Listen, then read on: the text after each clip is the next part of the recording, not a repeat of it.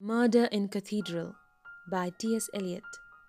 For autumn fires and winter fogs, what shall we do in the heat of summer?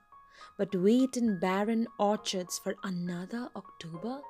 Some malady is coming upon us. We wait, we wait, and the saints and martyrs wait for those who shall be martyrs and saints. Destiny waits in the hand of God, shaping the still unshapen. I have seen these things in a shaft of sunlight.